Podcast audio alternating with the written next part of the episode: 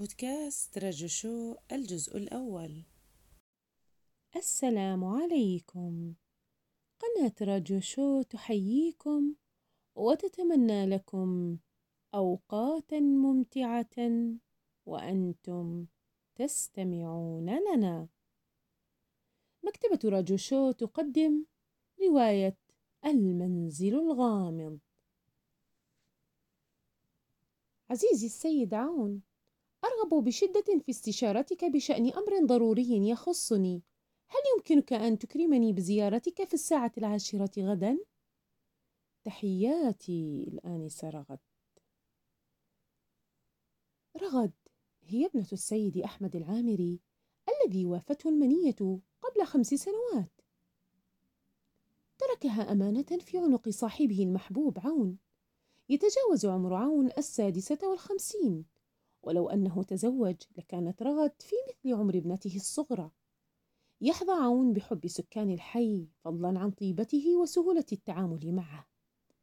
قدم حياته ووقته لمساعدة المحتاجين والضعفاء. مقدما لهم الخدمات القانونية لكل المحتاجين وبتكلفة زهيدة. وفي بعض الأحيان بدون أجر. إذا شعر أن الشخص لا يستطيع تحمل التكاليف عون يعتمد على إيجار عمارة تحتوي على ست شقق ورثها عن والده في حي سكني غير الذي يقطنه. لولا إيجارها لكانت حياته المادية متعسرة بسبب دخله المحدود كمحامي. وصلت رغد في وقتها المحدد. شابة جميلة ومعتدلة القامة. ملابسها بسيطة ولكنها أنيقة. قالت أنا آسفة على الإزعاج ولكنني مررت بتجربة فيها شيء من الغرابة. ففكرت في استشارتك كي تخبرني بما أفعل فأنا لا أثق بغيرك لتنصحني. فقال عون يسعدني مساعدتك فأنت بمثابة ابنتي التي لم أنجبها. قالت رغد كما تعلم كنت أعمل مربية عند عائلة السيد ماجد الذي هاجر منذ شهر مع أولاده إلى كندا. فوجدت نفسي بلا وظيفة وبدأت أبحث عن عمل آخر كمربية. أكملت رغد. اتصل بي أحدهم للعمل عنده. إنه السيد غانم الغلواني. وعندما التقيت به وجدته رجلا محترما. ولدى مقابلته لي بين صفوف المربيات. قال على الفور هذه مناسبة وستفي بالغرض.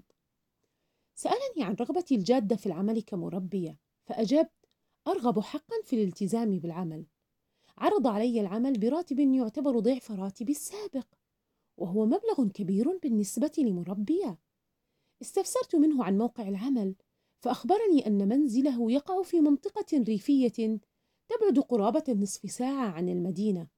سألته عن الواجبات التي علي أن أقوم بها فأجاب ستعتنين بطفل واحد فقط وزوجتي ستخبرك بالمسؤوليات الملقاة على عاتقك. أؤكد لك أن الأوامر ستكون في حدود الاستطاعة واللياقة. فكان ردي لا مانع لدي من اتباع جميع التعليمات التي قدمتها ولكنني لن أوافق على قص شعري. أعرب السيد بأسف وقال في هذه الحالة يجب علي أن ألتقي ببعض الشابات الأخريات. وفي اليوم التالي اتصل السيد اللطيف ودعاني لإعادة النظر في قراري وأعرب عن استعداده لزيادة الراتب مرة أخرى ولكن بشرط قص شعري. فقررت أخيرا قبول العرض. نظرا لحاجتي الماسة للمال ولكنني قررت أن أستشيرك قبل إقدامي على القيام بأية خطوة.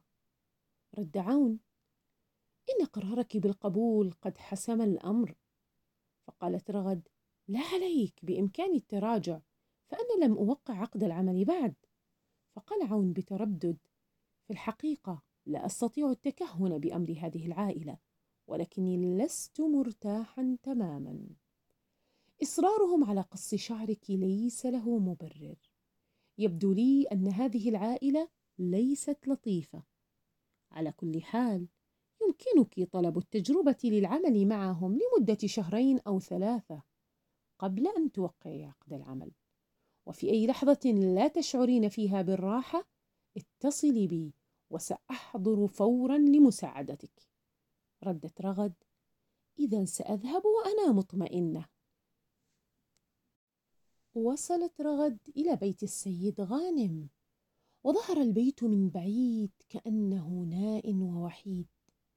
باستثناء بعض البيوت الصغيرة المتناثرة في المنطقة. كان البيت يقف بفخر على أرض مستوية وسط طبيعة خلابة. يتميز بتصميم معماري حديث مع نوافذ زجاجية كبيرة للسماح بدخول الضوء الطبيعي. عندما اقتربوا من البيت أظهرت الحديقة الجميلة نفسها. مع مساحات واسعة للزهور الملونة والأشجار الضخمة. على الرغم من التصميم الحديث شعرت رغد بأن البيت يحمل طابعا غامضا وكئيبا مما أثار لديها العديد من التساؤلات حول أسراره المحتملة.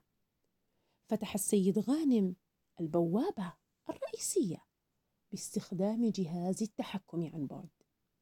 أوقف السيارة أمام المدخل الرئيسي للبيت ثم نظر إلى عزيز وقال له اترك السيارة هنا سأرافق الآنسة إلى الداخل وأعود بسرعة فأنا أرغب في الخروج مرة أخرى. لم يعطي البيت لرغد إحساسا أفضل على الرغم من تصميمه الممزوج بين الأناقة القديمة والحديثة. كانت الإضاءة الخافتة والأرضيات الخشبية تضفي على المكان طابعا خاصا. بعد شهر من العمل في البيت اتصلت رغد بعون وطلبت لقاء في مقهى الرواد وعلى ما يبدو أن الشابة قد عاشت توترا وقلقا وعندما وصل عون لاحظ التوتر في وجهها فسألها هل حدث شيء؟ فأجابت رغد لا لا أعرف ما الذي علي فعله وأحتاج إلى نصيحتك فرد عون أخبريني بما حدث. قالت رغد إنني أشعر بالرعب من المنزل ومن السيد. على الرغم من قدرتي على الخروج بحرية اليوم وأني لم أجد صعوبة في الحصول على إذن للقدوم إلى هنا إلا أن السيدة اشترطت علي العودة قبل الساعة الثالثة لأن السيد والسيدة سيذهبان في زيارة خاصة وسيقضيان كل الأمسية في الخارج. فأرجوك أخبرني ما الذي يجب علي فعله. لست مرتاحة للإقامة في المنزل. ورأيت أن أستشيرك في الاستمرار بالعمل أم الخروج وترك المنزل؟ فقال عون هل حصل شيء ما أفزعك وجعلك ترتابين لهذه الدرجة؟ ردت رغد بحيرة علي أن أعترف بداية بأن السيد والسيدة لم يسيئا إلي في شيء. ولكنني غير مرتاحة إلى تصرفاتهما ولا أشعر بالاطمئنان ناحيتهما. كان السيد غانم لطيفا للغاية وعرفني على زوجته وطفلهما الذي أرعاه. علمت أنهما متزوجان منذ ثلاث سنوات وزيادة على ذلك. بقليل. وكان قبل أن يتزوج من رباب زوجته الحالية متزوجا من زوجته الأولى التي توفيت منذ خمس سنوات. وله منها ابنة شابة ولكنها لا تقيم معهم فهي تعيش خارج البلاد. فقال عون منذ متى وابنته مغادرة للبلاد؟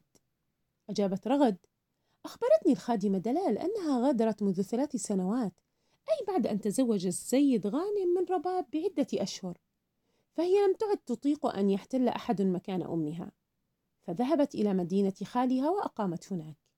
فقال عون على ما يبدو أن رباب لم تستطع أن تصاحب ابنته ليلى. وبدأ بينهما خلاف واضح حتى تركت ليلى منزل أبويها وغادرت.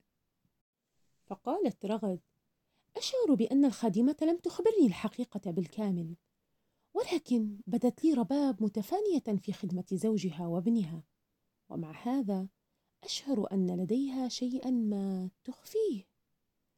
فقال عون وهل خدم المنزل عرفوا الزوجة الأولى والابنة ليلى؟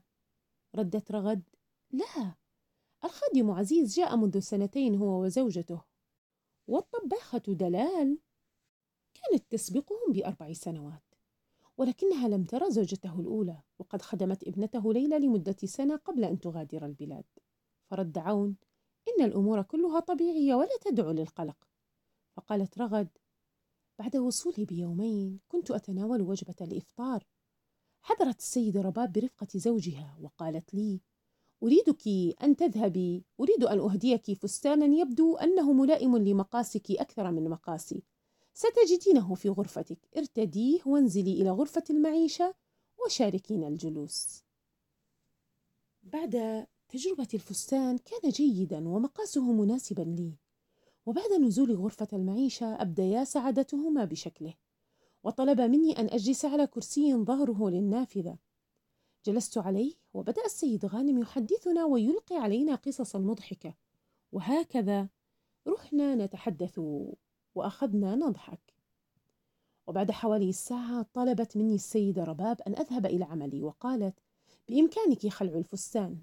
وبعد يومين بالتمام وبعد الإفطار عادت السيدة وطلبت مني أن أرتدي ذات الفستان مرة أخرى وتكرر المشهد نفسه. وكان يحرصان أشد الحرص على ألا أنظر إلى النافذة ولكني لاحظت وجود رجل خارج المنزل يرتدي بدلة رمادية. وظهر لي أنه كان ينظر باتجاهي. عندها طلب مني السيد غانم أن أشير إلى الرجل بالابتعاد ففعلت ذلك. وكما تعلم فإنه بناء على طلب السيد غانم وشروط العمل عنده. كنت قد قصصت شعري بالطريقة التي أرادها. كان شعري طويلا ولم يهن علي أن أرميه. فوضعته في لفة كبيرة وعندما أردت أن أضع اللفة في الخزانة التي في غرفتي كانت المفاجأة. لقد وجدت لفة من الشعر في أحد أدراج الخزانة وكانت من نفس لون شعري وكثافته. فهمهم عون فعلا يبدو الأمر غريبا. فقالت رغد لم يقف الأمر عند هذا فحسب. ففي إحدى المرات قررت أن أصعد نحو السلالم العليا إلى الطابق الذي فوق غرفتي. فقد كنت أسمع مرات عديدة صوت نقرات ما فوق غرفتي. وعند صعودي هناك لاحظت وجود جناح غير مستعمل وبابه مغلق بقفل غليظ من الخارج. قلت في نفسي أعلم أن الباب يقفل بالمفتاح ولكن لماذا هذا القفل الكبير عليه؟ نهاية الجزء الثاني بودكاست رجو شو. إلى اللقاء في الجزء الثالث.